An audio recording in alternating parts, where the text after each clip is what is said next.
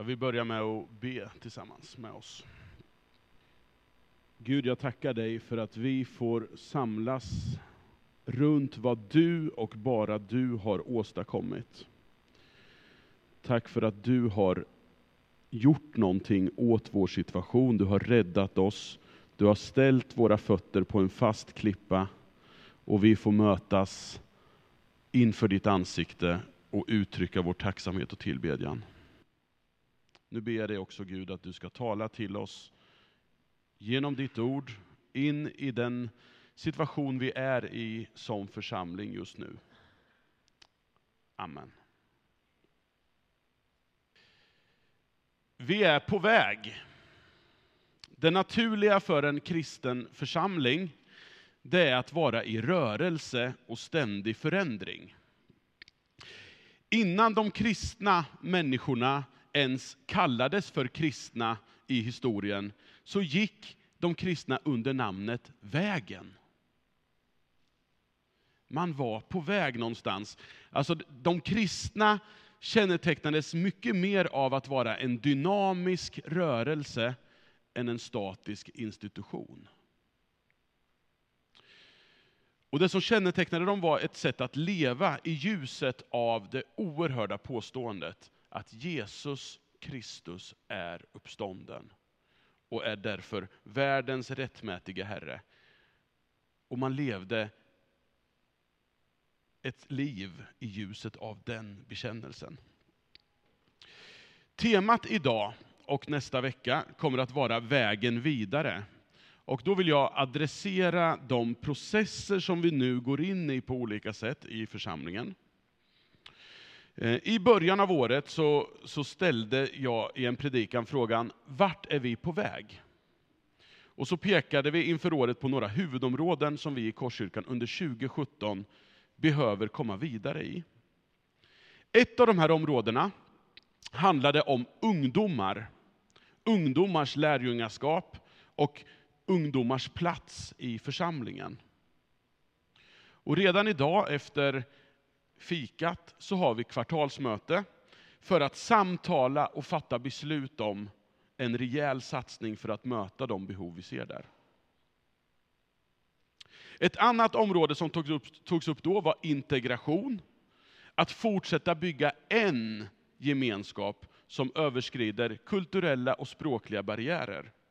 Och här har vi rört oss mot att mer vara en gemenskap i gudstjänster och så, och vi ska fortsätta ta beslut i den riktningen. Ett tredje område handlar om lokalerna. Som vi nu på allvar prioriterar för att nå en konkret vision för ändamålsenliga lokaler. Men oavsett vilket av de här områdena vi ska hantera, så måste vi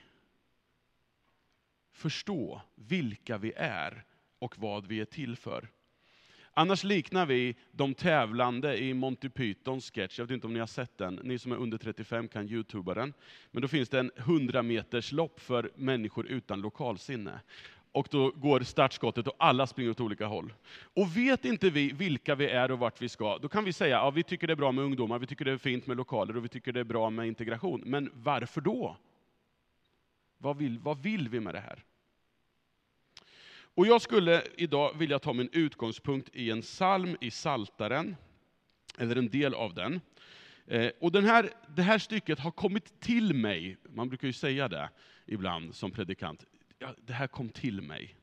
Och det här har kommit till mig under våren, och jag tror att det finns någonting i, de här, i det här stycket som, som vi ska läsa nu, som berör oss och vår situation.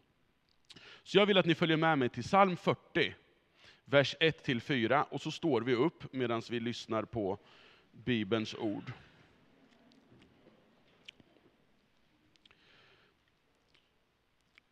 För körledaren av David en psalm. Länge väntade jag på Herren, och han böjde sig ner till mig och han hörde mitt rop. Han drog mig upp ur fördärvets grop, ur slam och dy. Han ställde mig på fast mark. Mina steg gjorde han trygga. Han la en ny sång i min mun. En lovsång till vår Gud. Många ska se det och bäva och sätta sin lit till Herren. Varsågod och sitt.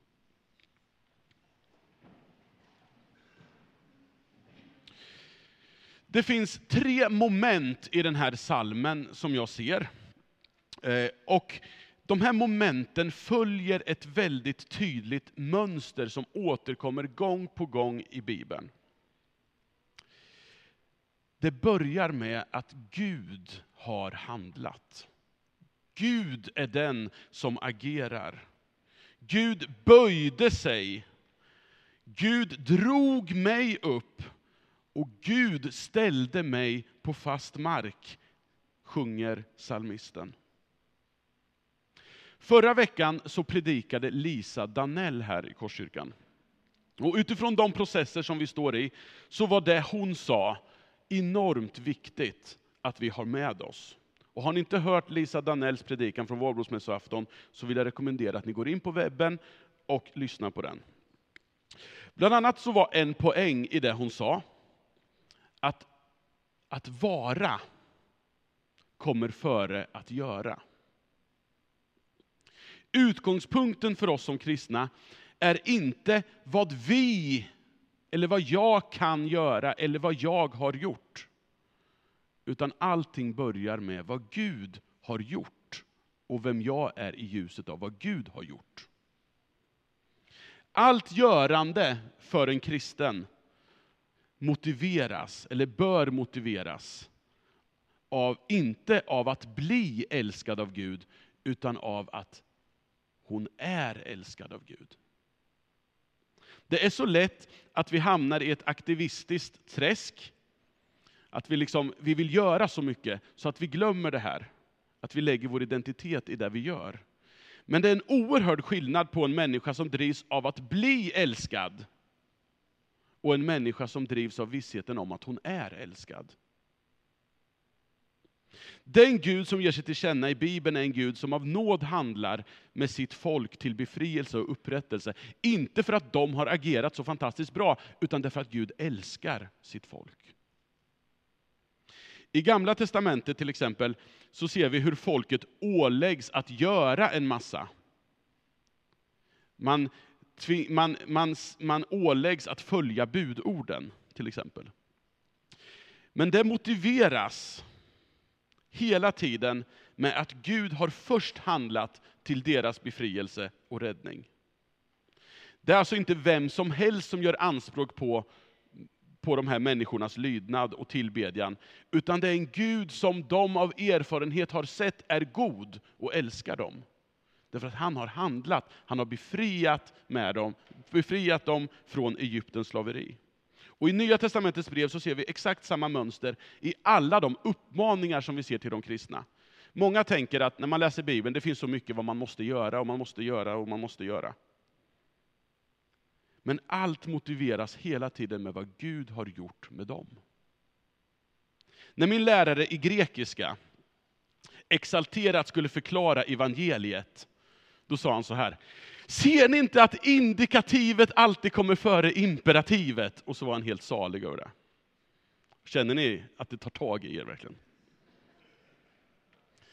Alltså, med lite mer begripliga ord. Alla uppmaningar som handlar om hur jag ska vara, hur jag ska bete mig, för de finns. Men de motiveras alltid med vad Gud först har gjort med mig. I Paulus brev så är det här mönstret väldigt tydligt. Och när han beskriver sin egen motivation så skriver han så här i Filipperbrevet 3 och 12 som vi hörde läsas här. Tro inte att jag redan har nått detta eller redan har blivit fullkomlig. Men jag gör allt för att gripa det. Här ser vi det här, liksom. han är aktivistisk. Han vill någonting, han gör allt när nu Kristus Jesus har fått mig i sitt grepp. I Bo Gerts översättning så står det så här, att han försöker gripa det eftersom jag själv har blivit gripen av Kristus. Alltså det börjar med att Gud har tagit tag i mig. Och så spelar det ingen roll vad jag gör, Gud, jag är i Guds grepp. Men det gör någonting med mig. Om inte vårt görande motiveras av vad Gud har gjort med oss först, så hamnar vi snart i ett religiöst slaveri, där vi aldrig duger, eftersom det alltid finns mer att göra. Evangeliet är tvärtom. Du duger. Du är älskad. Vad gör det med dig? Och kanske beskrivs den här principen bäst i den mening som jag tycker är Bibelns viktigaste. Vi älskar därför att han först älskade oss. Den kärlek som Gud älskat oss med först, gestaltar ju vi och påminns om varje gång vi firar den här måltiden som vi strax ska äta tillsammans. Alla som inbjuds till bordet, oavsett allt vi har i vårt bagage,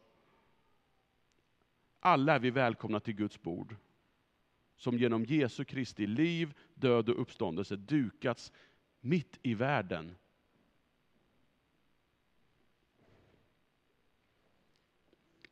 Guds handlande i Jesus Kristus är allt som behövs för din och min och den här världens frälsning.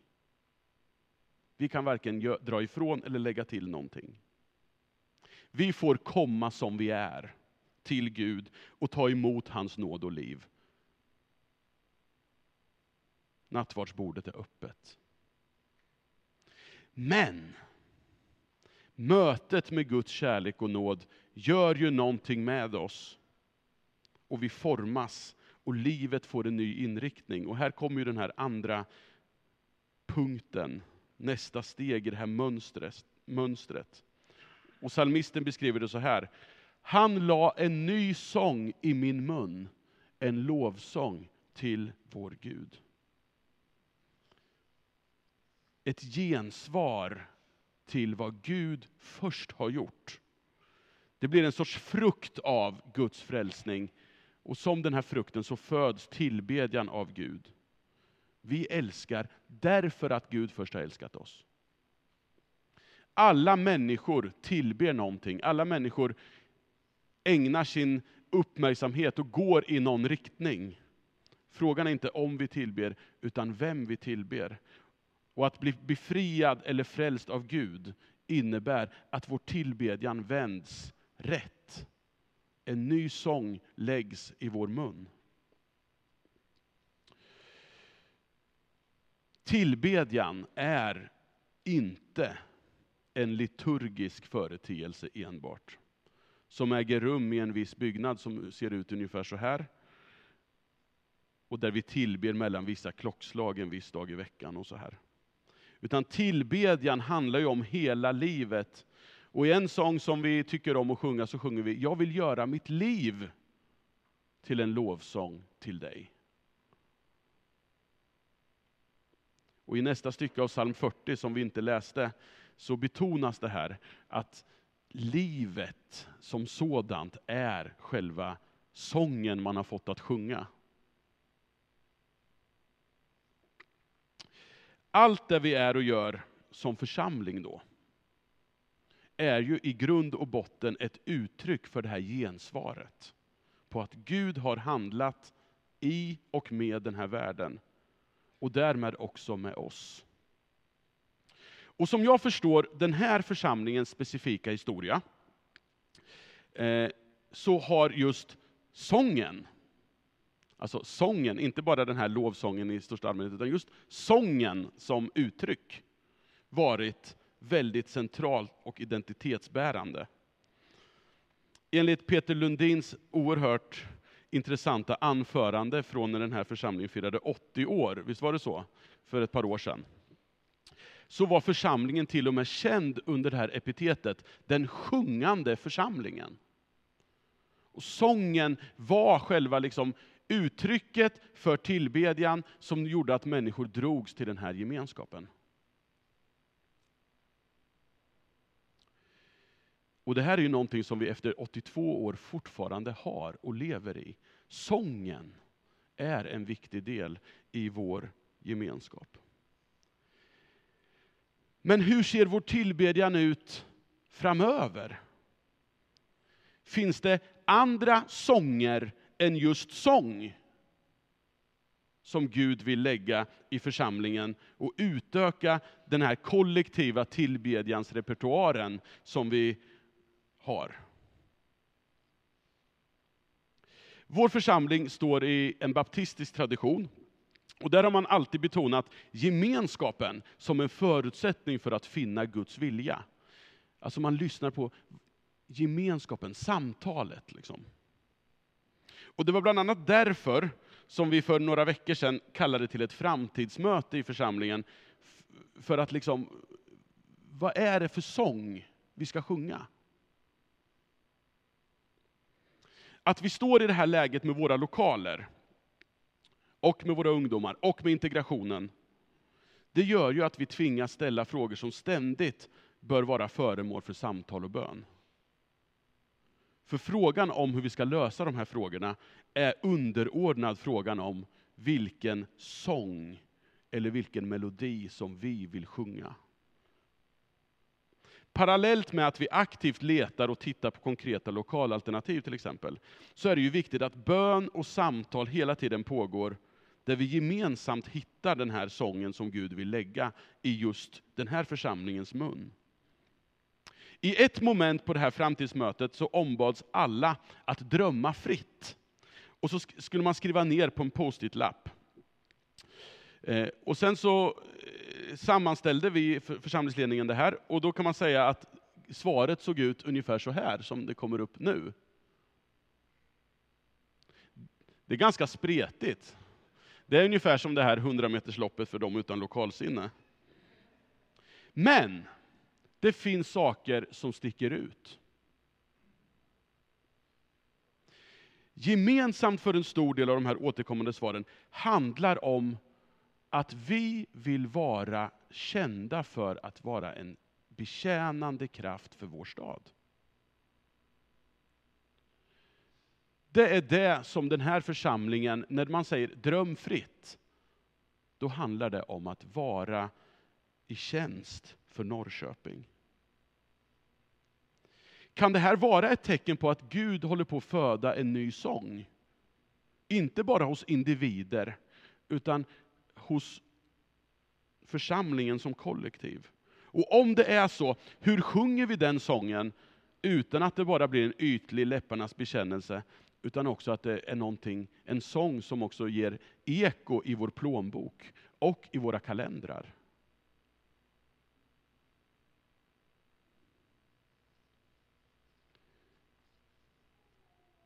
Det är en bra fråga. Min övertygelse, det är att vi är någonting på spåren i de här drömmarna som är i linje med Guds hjärta. För tillbedjan av Gud gör någonting med den omgivning vi är satta i.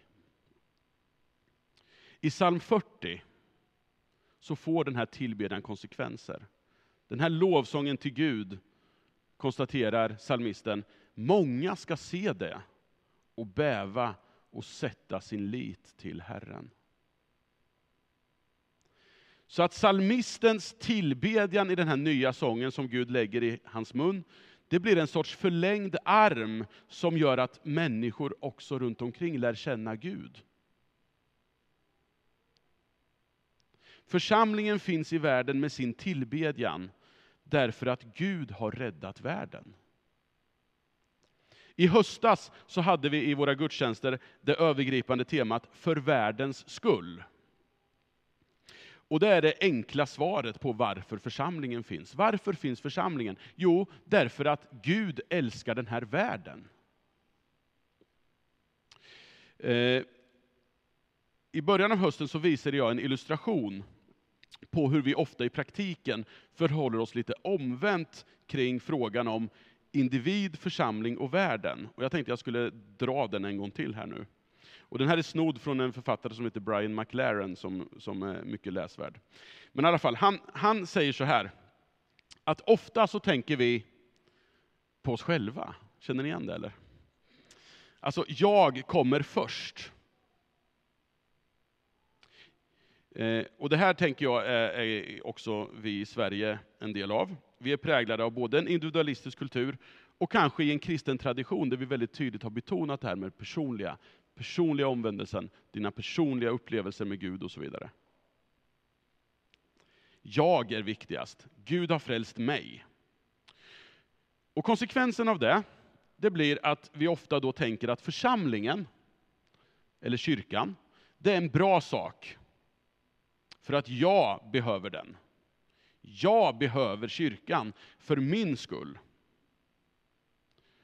Och så länge jag upplever församlingen som, som produktiv och givande i mitt frälsningsprojekt, så är den bra. Men om den inte ger mig det jag vill ha, så kan det lika gärna kvitta. Församling blir utifrån det här en sum, summan av en massa individer som därför vill ha det på sitt sätt, för att man själv ska bli välsignad. Och då kan man ju, då kan man ju räkna med att det blir en ganska introvert, introverta församlingar som bråkar om musikstilar, liturgiska detaljer och sånt. För att alla dessa jag ska bli välsignade.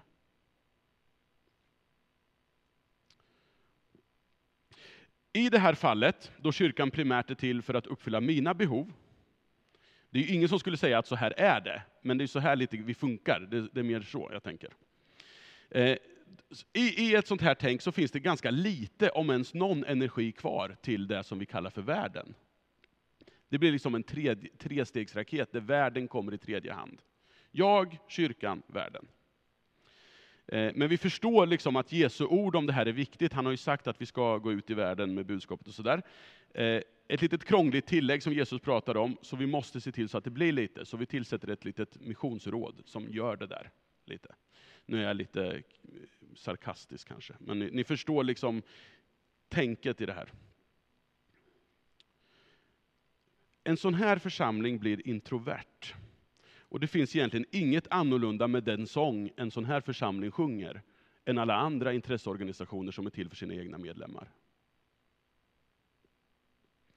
Ett mer bibliskt synsätt, det är faktiskt att vi börjar med världen. Så älskade Gud världen. Och som ett uttryck för att Gud älskar och har räddat den här världen, så formar Gud ett folk i den här världen, som kallas för kyrkan eller församlingen, som vi ser där.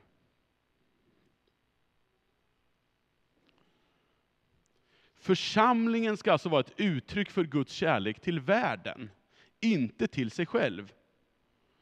Och om vi förstår det, att vi som samlas i en kyrka, vi är inte till för oss själva, utan vi är till för hela världen. Då börjar vi prata om en annan typ av sång. Och det här folket får jag vara med i när jag ser vad Gud har gjort med den värld som också jag är en del av naturligtvis. Och istället för en introvert kyrka så blir det en sån kyrka där man kallar för missionell. Ska se, där. Och det är exakt det som kyrkan är till för att vara i den här världen. Någon har sagt så här att Guds församling har inte en mission i världen, utan Guds mission i världen har en församling. Guds församling har inte en mission i världen, utan Guds mission i världen har en församling. Emil Brunner han har sagt så här, The church exists by mission as fire exists by burning. Kyrkan existerar genom mission, precis som elden existerar genom att brinna. Det här ordmolnet som jag visade förut, på liksom vad vi drömmer om på ett kollektivt plan, det ger uttryck för att församlingen tänker i den här riktningen. Det är fantastiskt. Det var inte mycket introverta ord på det ordmolnet. Vi finns för världens skull. Och kanske håller Gud på med att på en kollektiv nivå lägga en ny sång i vår mun. Och då präglar det också de processer vi står inför. Och hur gör de det så att det inte stannar vid att vi tänker bra? Gud vill använda den här församlingen som möts här för att fler människor i Norrköping ska få smak på Guds kärlek och som psalmisten säger, sätter sin lit till Herren. Och vi har att utbe oss om att hitta den här sången som är vår gemensamma kallelse att sjunga ihop. Men vi får inte glömma att allting har sin grund i vad Jesus har gjort för oss. Vi ber tillsammans.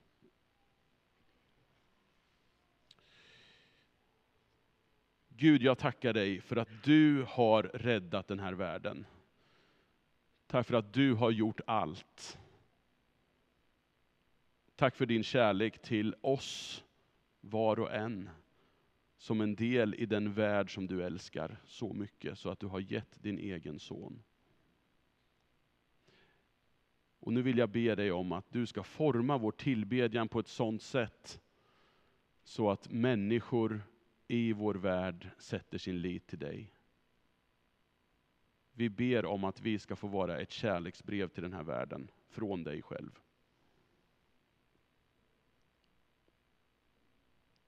I Jesu namn. Amen.